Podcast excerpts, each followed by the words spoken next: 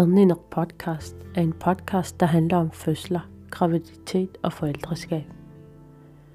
Adninok betyder at føde på grønlandsk, og en frivillig projekt, der er udsprunget ud fra en samtale mellem to mødre, der snakkede om deres fødsler under en kaffemængde. Ideen er blevet en realitet og er udformet til at være en slags ventil og frirum for fortællerne, hvor der er plads til sjov, ærlighed og åbenhed. Spørg en kvinde, der har født, om hun har lyst til at fortælle om sin oplevelse, om hun ikke hun gerne vil det. Fødsler er nemlig for mange for alvor starten på den omvæltning, livet som mor eller far kan være. Og noget, som mange måske vil bearbejde ved at dele med andre. Det, som også mangler i nutidens Grønland, er vidensdeling på tværs af forskellige befolkningsgrupper i samfundet og behovet for at spejle disse oplevelser. Tit mangler man også at fremhæve den moderne grønlandske mand i familielivet. Fædrene her i Grønland kan ofte være lidt glemt i baggrunden, når det gælder graviditet, fødselsforberedelser og fødsler generelt. Ved inddragelse af både mødre og fædre, jordmødre til disse fødselsberetninger, mener vi, at vi kan udbrede viden om udvikling af familiekulturen i Grønland. Podcastens sprog vil være i det sprog, som fortællerne selv gerne vil fortælle i. Og det vil man typisk kunne se ved episodens overskrift eller beskrivelse. Det er en frivillig projekt, og vi snakker ikke som fagpersoner, men som kvinder, mødre, mostre og veninder, der deler fantastiske fortællinger om øjeblikkene, der ændrede vores liv. Podcasten forventes at indeholde en form for vidensdeling omkring forældreskab, familieliv og fødsler i Grønland. Også den kulturelle aspekt er blandt andet traditioner, skikke, gamle som nutidige, der sker blandt grønlandske familier ved familieforøgelse eller fødsler. Husk på, at vi starter fra bunden og lærer undervejs om, hvordan vi kan blive bedre til at lave podcast. Vi håber, at podcasten vil blive taget godt imod. Men her kommer den første episode på dansk.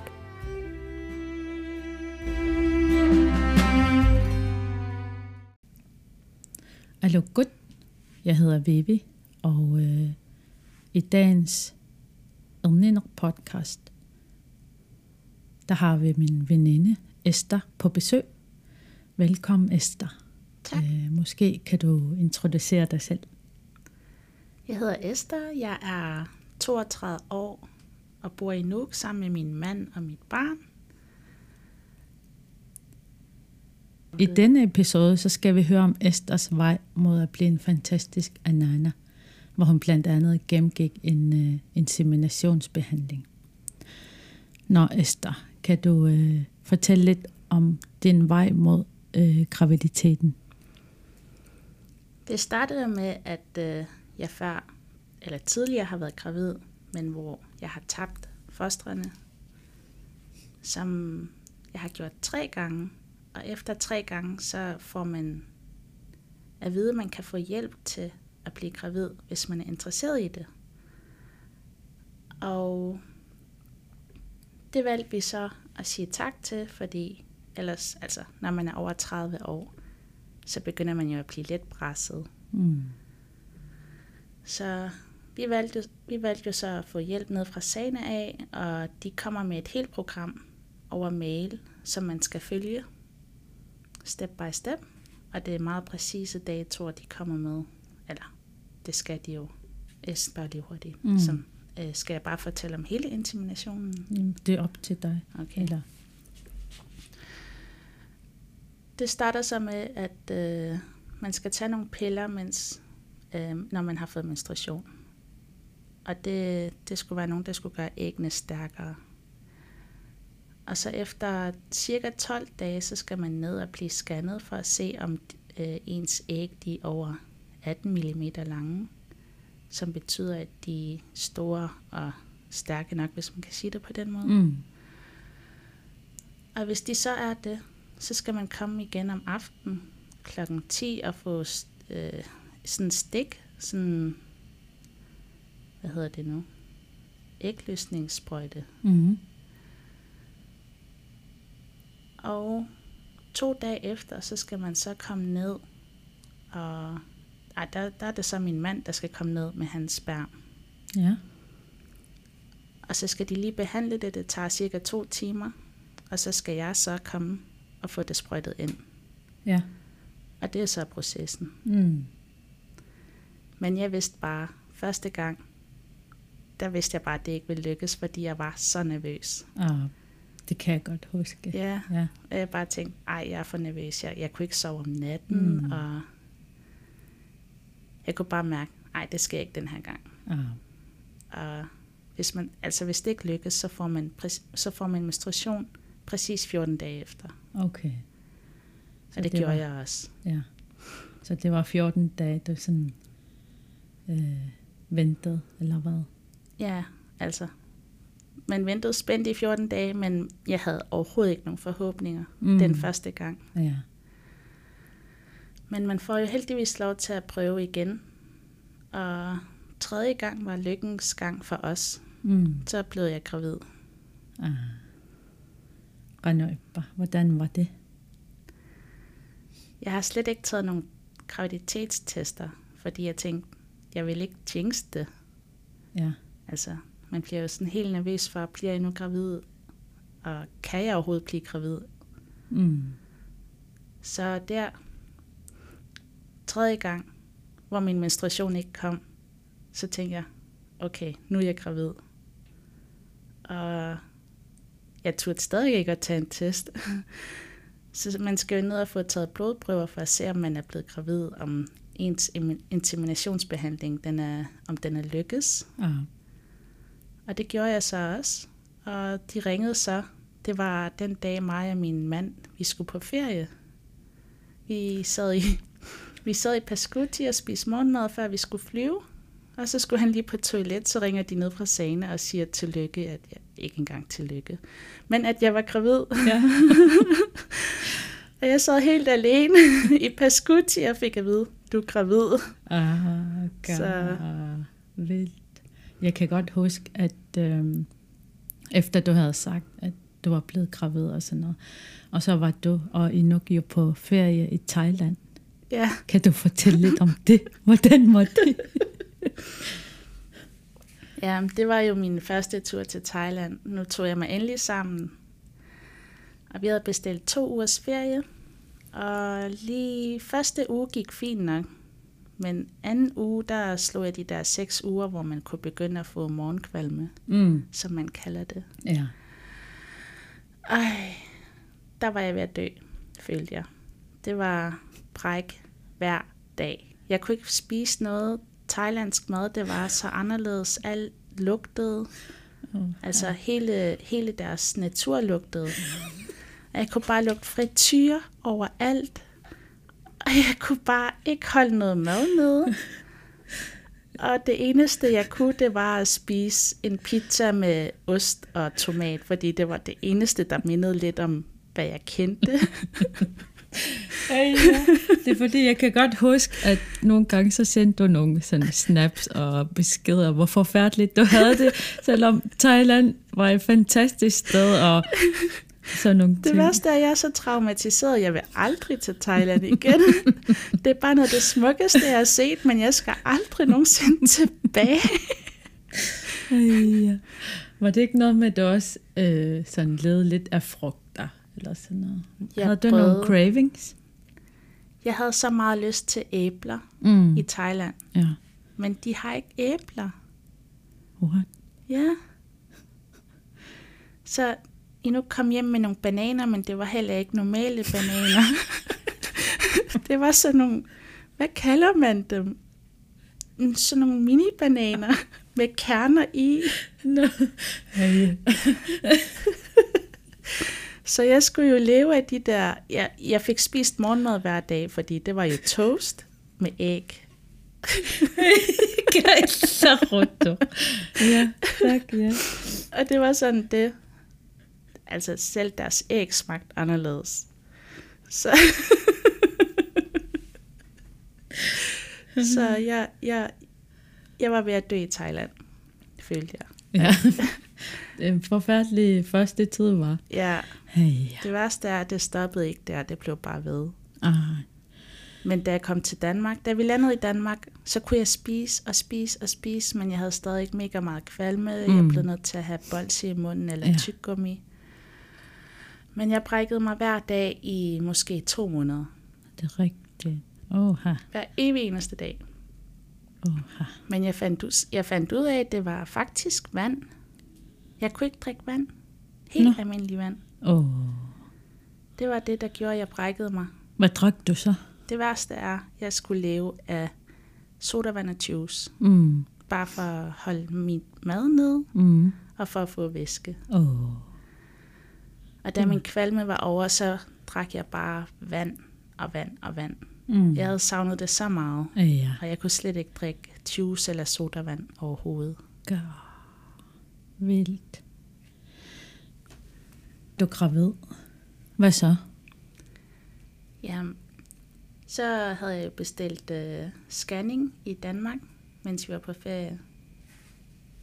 Og det var altså det, vi skulle til, da vi kom tilbage fra Thailand. Mm.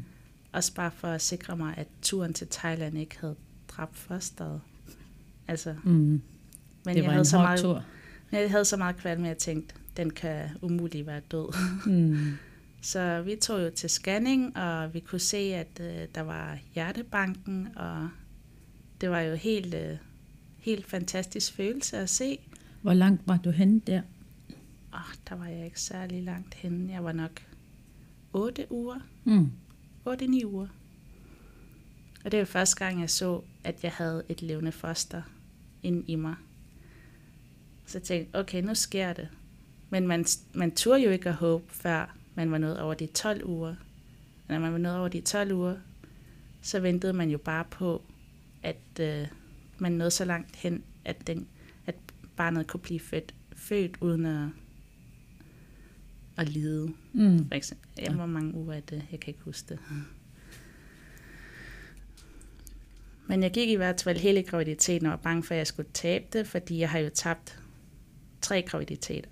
Mm. Men det var alle sammen før 12 uger. Så Ja.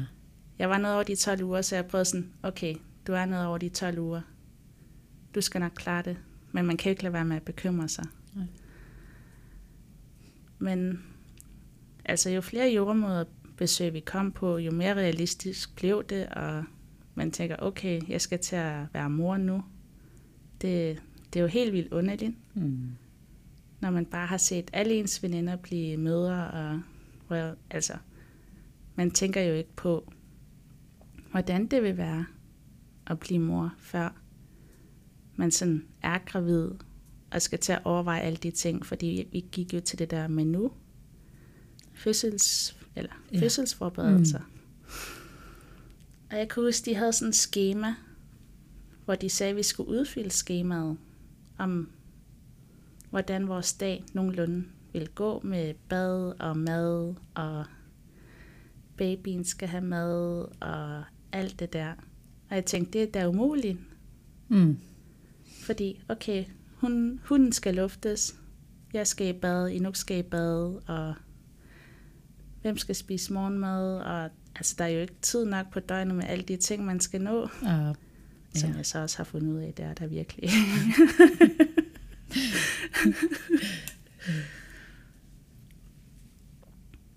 der var med. Øhm, var der så nogen i din omgangskreds, der var der nogen, der gættede på, hvilken køn, eller vidste I, hvilken køn det skulle være? øh, altså, til en af jordmor, nej, allerførste gang, jeg gættede på, hvad det skulle være. Det var faktisk, fordi jeg drømte, det var som om, jeg sagde til mig selv, du får en dreng. Mm. Og så tænkte jeg, okay, jeg får en dreng. Men min mand ville have en pige. Men jeg vidste bare, jeg, fik, jeg får en dreng. Sådan er det bare. Nej. Du får altid din vilje. Ja. og så kommer vi så til, så kommer, så kommer vi til jordmor. Øh, her der må de jo ellers ikke rigtig fortælle, hvad køn de bliver, fordi de har taget fejl før, eller et eller andet. Det, Ja. ja. det er bare, hvad Ja. jeg har hørt. Mm. Men vi spurgte så, om hun kunne se, hvad køn det var. Og så sagde hun, at øh, der var en lille dut der. Og så vidste vi, okay, vi får en søn.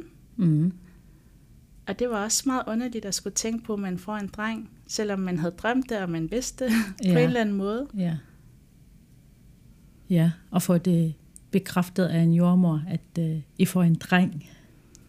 Ja, det, det var helt vildt. Altså, det har godt været, at jeg drømte og forestiller mig, at jeg fik en dreng, men når man så ved det, så skal man til at tænke på, okay, hvad kan man lege med en dreng, og alle de der ting. Altså, man skal virkelig til at tænke sig om.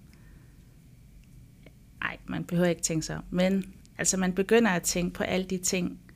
Jeg havde ellers forestillet mig, hvis jeg fik en pige, så skulle jeg jo sminke hende, når hun blev ældre selvfølgelig. Ja og flet hendes hår, og hvad ved jeg. Men så begynder man jo at tænke på, okay, hvad laver man med en dreng, og hvilke lege vil barnet lege, og spille for eksempel. Mm. Alt sådan nogle ting. Ja. Men det sjove er, at alle havde jo alligevel sagt, at jeg fik en dreng, fordi min kropsbygning, den, altså, jeg tabte mig helt vildt meget. Mm. Jeg, jeg tror, jeg tabte mig mere, end jeg tog på, da jeg var gravid. Ej, jeg endte med at tage på, men jeg tog ikke så meget på, som man kan. Mm. Og når man så på mig bagfra, så kunne man ikke se, at jeg var gravid. Ja, ja. Og det er jo de der typiske tegn, som man siger på, at man får en dreng. Abbe. Men alt det der kvalme, det er jo ellers, hvad der hører til at få en pige, Mm-hmm. af hvad jeg har hørt. ja. ja. Der var med, havde du nogle cravings under graviditeten? Hele min graviditet havde jeg ikke en eneste craving. Ja. Jeg var ikke sulten. Jeg blev mæt mega hurtigt. Jeg kunne ikke spise. Jeg havde ingen appetit. Når min mand spurgte, hvad vi skulle have at spise, så kunne jeg ikke svare. Jeg havde ikke lyst til noget. Åh, Så jeg sagde bare, du skal bare lave noget mad, så skal jeg nok spise det. Altså, vildt. det, det var meget lidt, der kom ned. Mm. Og sådan var det bare hele graviditeten. Uh, det, jeg havde en lorte graviditet, kan man godt kalde det. Ej, Altså, ja. det er også bare, når man bliver så stor, man ikke kan trække vejret, når man ligger ned. Mm. Altså, jeg havde jo sådan en Apple Watch, som sagde, når min puls blev for høj. Og det gjorde den rigtig tit, da jeg var højgravid. Så jeg endte med ikke at vil gå med den mere, fordi altså når man først er opmærksom på, okay, din puls er for høj nu, bare ved at sidde ned, så bliver man jo bare mere opmærksom på det. Ja. Og så går den jo bare mere op. Mm. Altså, Så ja, det var ikke nemt med kvalme og ingen appetit og en for høj puls. Og ja. Men jeg fik ikke bækkenløsning heldigvis. abbe. Det gik jo fint med det. Ja. Mm. Det var også først til sidst, jeg ikke kunne gå sådan hurtigt. Jeg havde ellers bare følt, at min krop var normal nærmest. Jeg kunne bare gå og som jeg plejer at lave alt det, jeg plejer. Aha. Altså, jeg skovlede hele vores terrasse, da jeg var, hvad, seks måneder eller sådan Abbe. Du er jo, du er jo stærk allerede. Ja. Ja, ja, ret stærk.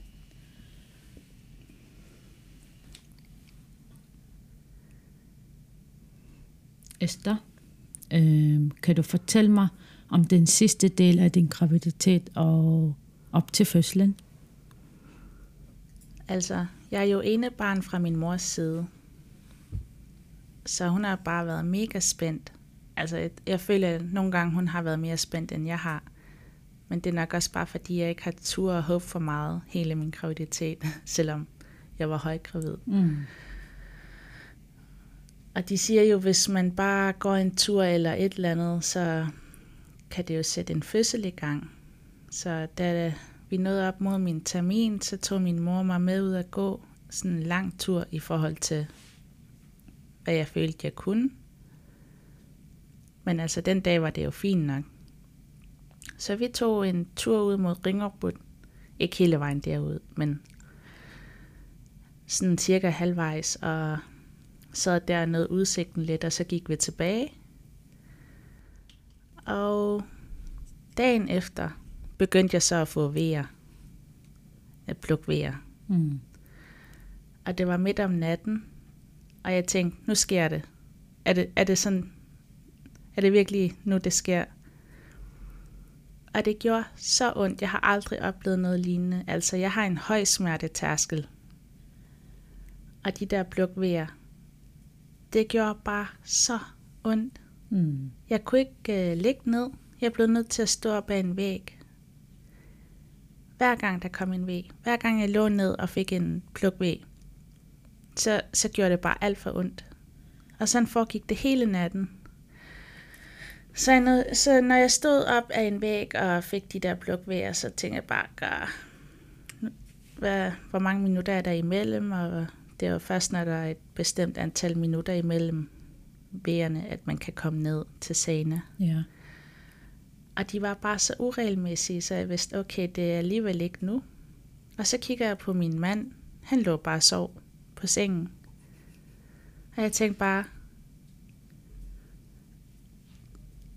dumme dig. Du må gerne bande. Okay. jeg tænkte, må jeg? Fuck dig. Du vidste ikke lige, hvordan du skulle få det sagt. Hvordan kan man sige det pænt? Nej. Så nok lå og sov, mens du havde Min det værste allerførste pluk, eller tegn på, at jeg skal at føde. Ej, hvad tid var det? Var det midt om natten, eller? Var det? altså, de kommer nok ved 12-1-tiden, tror jeg. Mm. Og de, det varede hele natten. Jeg tror, det var til 4-5 om morgenen. Og så gik de væk. Ej, Så hele dagen, der følte jeg ikke noget. Hvor jeg ellers tænkte, okay, hvis det her bare er plukvejer, så tager jeg slet ikke forestille, hvor ondt en rigtig fødsel vil gøre. ja, Fordi allerede der havde jeg alt for ondt Abbe. til, hvad jeg følte, jeg kunne håndtere. Eller selvfølgelig bliver man jo nødt til at håndtere det, men Mm. Det gjorde bare så ondt. Og samme nat, ikke samme nat, natten efter, får jeg så de der plukvejer igen. Ja. Jeg ved ikke, hvorfor de, har, de, de gerne vil være der om natten, hvor jeg burde sove. Så samme tur igen. Og så jeg prøvede ellers at ringe ned til Sana, fordi jeg tænkte, jeg vil, jeg vil godt have mit barn ud nu. Men de er bare sådan, Nå, men altså, der skal jo gå de der et par minutter imellem. Og de skal være regelmæssige Ja. og så videre. Ja. Og de siger jo bare sådan, tag nogle pamoler, prøv at slappe af og, og ring igen, hvis det er. Så fik jeg jo så at vide, at øh, sådan en varm brusebad også kunne lindre lidt af smerterne. Så jeg kom under bruseren, og det hjalp bare så meget.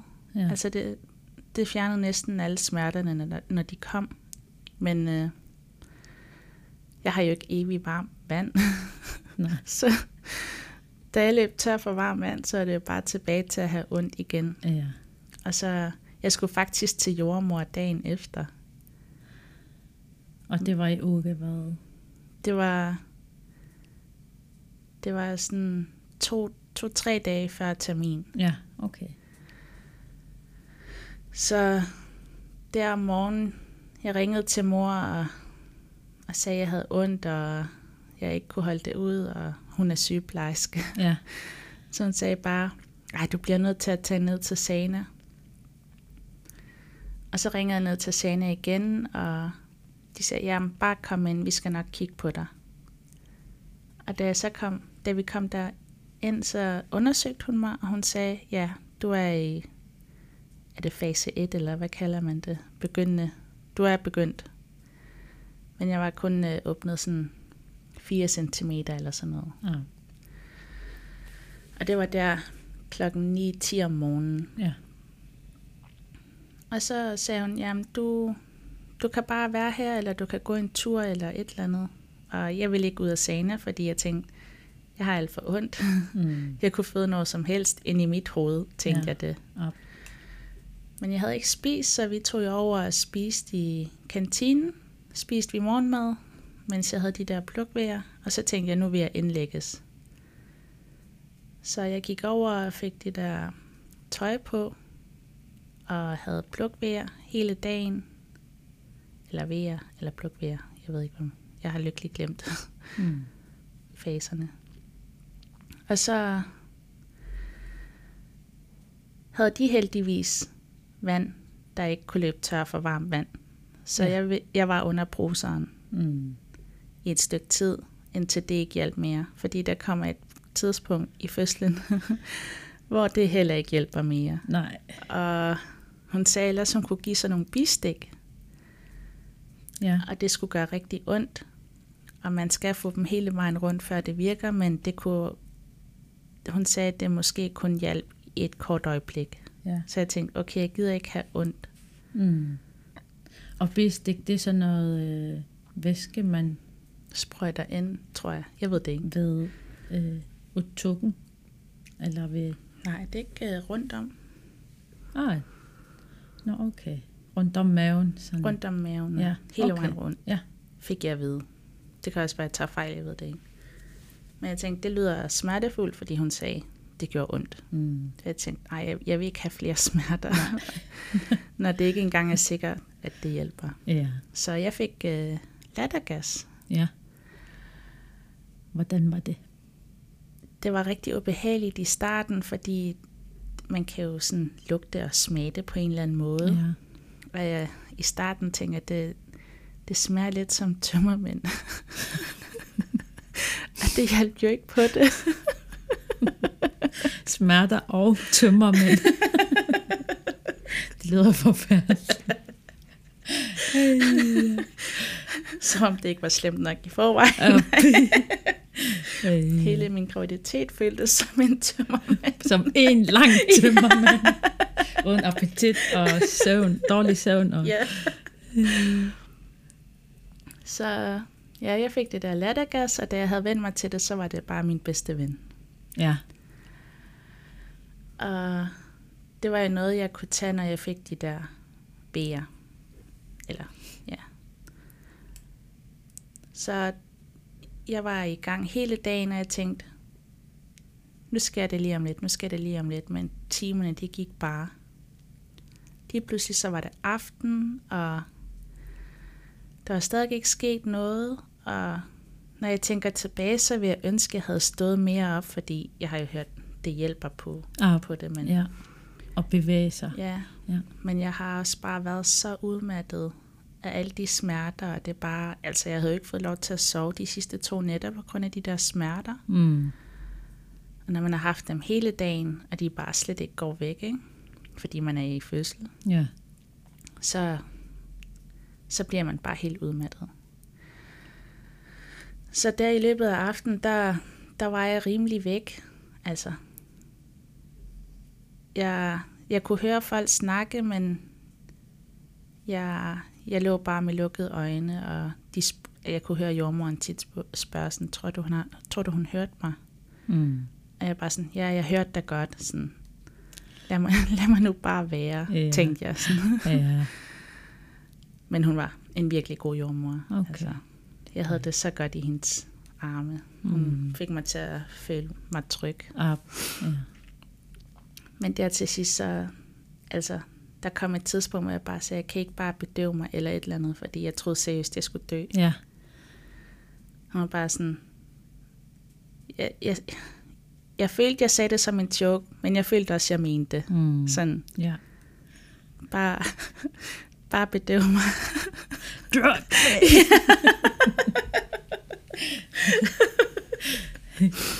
Jeg var bare sådan, ej, du er for langt hen, det kan vi ikke. Og jeg er bare sådan, "Ah, ja, okay, men jeg vil jo også gerne føde normalt, men alligevel ikke. ah, jeg tror, mange gennemgår den der... ja. Øh, Og så til allersidst, så med, det, med det der lattergas, så sagde hun, at jeg kun måtte bruge det, når jeg ikke havde V. Fordi når jeg så havde V, så skulle jeg jo presse. Det må være presseværende, jeg Ja. skulle i gang med. Og der havde jeg bare så mange smerter, jeg ikke ville slippe. Altså, altså de, lattergas. lattergassen. Ja. Mm. Og de prøvede at tage den fra mig, og jeg rykkede bare væk. Sådan. Skal ikke tage min lattergas. den der lattergas, den giver lige sådan noget 20 sekunders I don't give a fuck Ja. følelse. Eller, ja. Så du skulle bare have den hele tiden. Det værste, hun sagde, du skal bare sige til, når jeg skal skrue mere op. Og hun, altså, okay, jeg prøvede den, og så, ah, du må godt skrue mere op. Skruer hun mere op. Ja. Ah, du må godt skrue mere op. Skruer hun mere op. Og så da jeg sagde det igen, ah, jeg, jeg må ikke skrue mere op.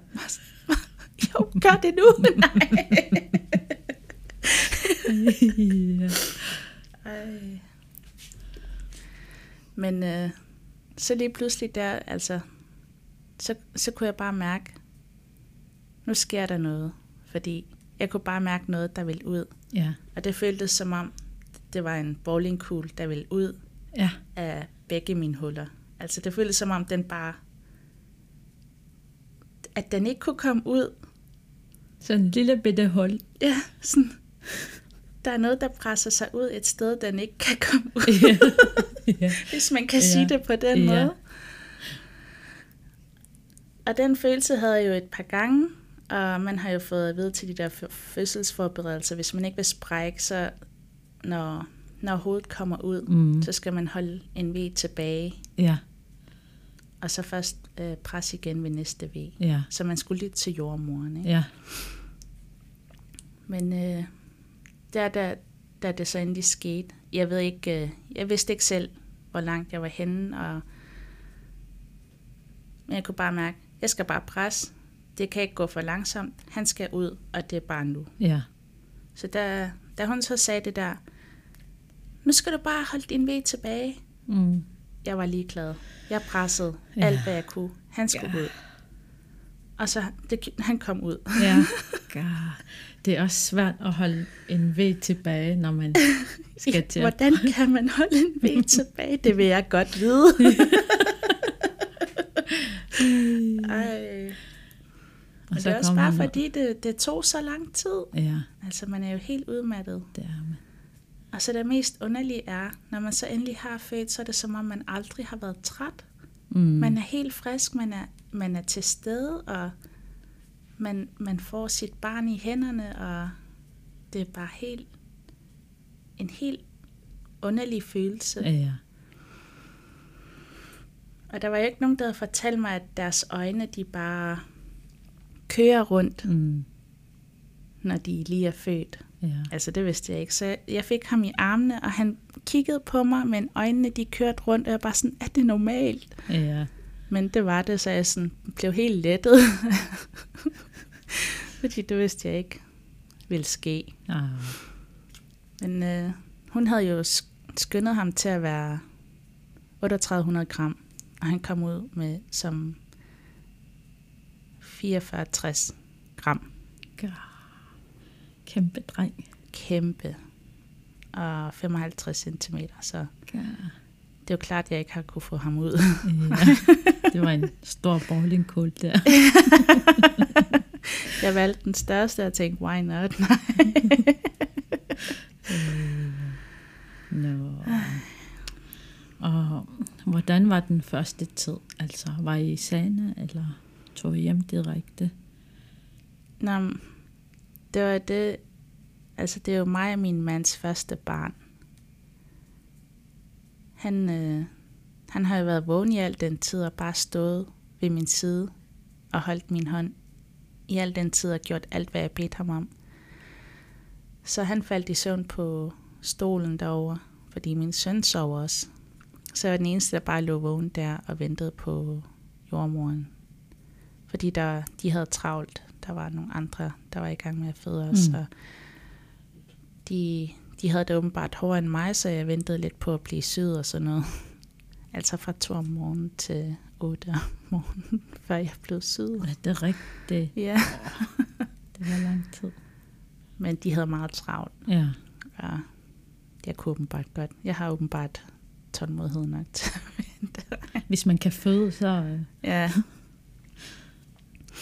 Men øh, ja, så var vi lige indlagt, og, og så tænkte nu, vi vil godt hjem.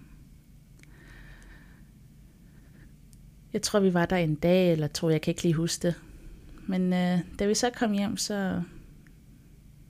Altså, vi prøvede vores bedste, og jeg ammede ham, når han ville ammes, og det var helt underligt. Altså, det er jo noget, man, ja, man kan ikke, jeg føler ikke, man kan forestille sig at blive forældre, før man har fået sit eget barn. Altså, alt kan stå og sige, at det er mega hårdt. Og lige meget, hvor mange der siger, at det er mega hårdt, så ved man ikke, hvor hårdt det er, før man har sit eget. Altså, det er jo bare 24-7. Det er et arbejde, mm. hvis man kan kalde det det. Ja. Og det er et kæmpe chok. Altså, jeg har jo det der indebarnssyndrom, fordi jeg først fik en lille søster, der var 22 år. Mm. Så jeg er jo vant til at være sådan, hvis man kan sige det på den måde, meget forkælet, ikke? Ja. Og så skulle til at tage sig et andet væsen, og ikke tænke på sig selv. Altså, det skete naturligt, men det er stadig en kæmpe omvæltning, hvis man kan sige det på den Ja. måde. Altså, Så. jeg fik Mm. et chok over, hvor hårdt det var. Og men øh, så skete der så det, at øh, sagerne, de øh, vejer dem jo, for at se, om de tager nok på. Så der på tredje dagen, hvor min mælk løb til, så havde han tabt de der over 10 procent, så vi blev indlagt igen. Men øh, så fik vi det der, den stramme plan med, at vi skulle væk ham hver tredje time, og han skulle drikke øh, 65 milliliter. Så vi skulle jo veje ham, før han fik af mamma bryst. Og så skulle vi veje ham igen bagefter. Mm. Og så skulle vi tælle, hvor meget han har fået fra mit bryst, og så skulle vi give det resterende i erstatning. Og sådan, tror jeg det gik, foregik over tre dage, så fik jeg mælk nok, og så måtte vi tage hjem. Mm. Okay. Og så var det jo bare en kamp derfra, nej, om at skulle være forældre. nej. Ja, ja. Det er også en helt anden historie. Ja, Mm. mm. virkelig. Ja. Altså, der er jo sådan en test, man kan få taget, om man har fødselsdepression. Ja. Og hun fortalte os, der er en grund til, at de først kommer, jeg kan ikke huske, om det er en måned eller to måneder efter. Fordi hvis de, altså, hvis de kom i starten og testede en, så, så vil alle have en fødselsdepression. ja. altså, kunne jeg, det var, eller største delen vil have sådan en Abbe. følelse af, at de Ja. er deprimerede. ja. Fordi det er så hårdt. Både fysisk og psykisk Ja. hårdt. Eller, mm. Men altså, når man først har vendt sig til at have et barn, så vokser man sig bare ind i rollen. Helt automatisk. Og man lærer hurtigt alle mulige ting. Sådan, man læser jo hele tiden alle de der tierspring, og jeg, jeg er medlem af en... Øh, jeg er født jo om sommeren, juli, så er jeg medlem af sådan termin juli 2019. Mm.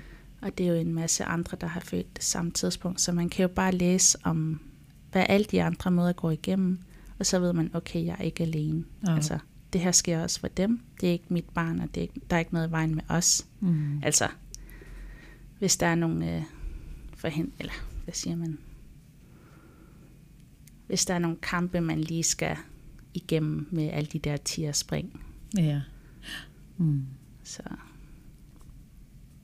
det hjalp meget at kunne læse ind i den termingruppe, Ja. at man ikke er alene. Abbe. Så.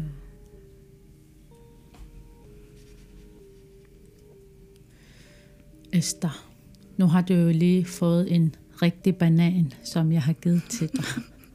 Uden kerner. ja, uden kerner. Det rigtige slags. Nu har vi hørt om din øh, graviditet og din fødsel. Har du så nogle gode råd til nogen, der måske kan relatere sig til dig? Altså jeg kan huske, jeg er en ekstrem social person. Altså, og jeg elsker at tage ud og hygge med veninder og sådan noget. Så lige der, de første 14 dage, jeg var hjemme, jeg turde ikke gå ud, fordi jeg tænkte, hvad nu hvis han begynder at græde, eller hvis han skal skiftes, og jeg er in the middle of nowhere. Ikke? Altså, jeg bekymrede mig om så mange ting. Så jeg turde ikke gå ud, uden min mand var der, og han gik jo i skole, så Jeg var bare alene hjemme hele dagen med en baby, der ikke har en mimik. Så det eneste, jeg så ham, det var bare sove, græde, sove, græde. Så jeg blev sådan småsindssyg, kunne man godt kalde det. Ikke? Mm. Så en af de bedste råd, jeg kan give, det er bare at komme ud af den dør. Altså hvis man er bange for ikke at, hvis man er bange for at tage ud, så skal man ikke være så bange, fordi der, altså, der, man kan gøre alt, når man først kommer ud. Altså babyen sover skide godt i gadoer, og der er jo puslerum flere steder, så der man kan ordne alt. Mm. Altså hvis det værste skulle ske, ikke? Så det er en af de bedste råd, jeg kan komme med, det er bare at komme ud. Hvis man ikke tør. Ja. Ligesom mig. Ah. Mm. Ja. Og så også det der med, at øh, man har den der moderinstinkt, og der er rigtig mange, der kommer med deres gode råd. Mm. Ikke? Og der er rigtig mange, der har alle de her gode råd. Men man, man kender sin egen baby bedst, og man skal bare lytte til sig selv, fordi man ved virkelig, hvad der er bedst for en selv og babyen. Fordi ingen baby er ens, og der er selvfølgelig alle de her gode råd, man kan følge. Men man skal også huske at lytte til sig selv. Altså, det er det bedste råd, jeg kan give. Mm. Fordi man skal stole mere på sig selv, end hvad man lige giver sig selv credit for. Altså, man er jo ekstremt usikker som en helt nybagt mor. Ja. Og man tænker bare, at alt jeg gør er forkert, men det, det er bare i ens hoved. Altså man, man gør sit bedste, og man kan tage de gode råd til sig eller ej, men man ved bedst selv, føler jeg. Mm. Esther, det har været en øh, fed oplevelse at lytte og være med til, at du fortæller om din fødsel og graviditet hele vejen fra Thailand til Sana. øhm, jeg håber, andre derude også får øh, noget ud af den her rigtig gode fortælling om Esther og hendes vej mod Ananahood. Esther Røyana Tusind tak. Lille.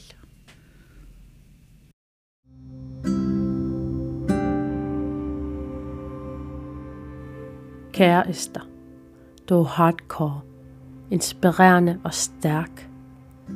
Du viser os, at troen på, at det nok skal lykkes, er nogle gange, hvad der skal til for at få sit ønske opfyldt. I det tilfælde var det et inderligt ønske om at få et barn. Også hvis hele graviditeten føles som en lang sammenhængende tømmermænd, og at det ved fødslen føles som om, at det var en bowlingkugle på vej ud gennem underlivet. Husk nu, at kroppen sagtens kan klare det.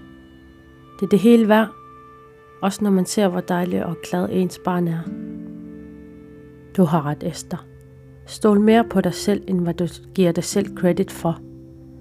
Ja, moderinstinktet har en grund til at være der. Jeg håber, I lyttere også har fået et indtryk af Esters rejse, som vi gjorde – det føles nemlig som om at se en film. Husk at følge med på sociale medier på Facebook og Instagram. Vi er lavet efter at like Elninok podcast. Støt vores sag om fødselsberetningerne. Smid en kommentar, giv likes og ros fortællerne. Vi glæder os til at høre flere fødselsberetninger. Du ser liv. Vi høres snart igen. thank you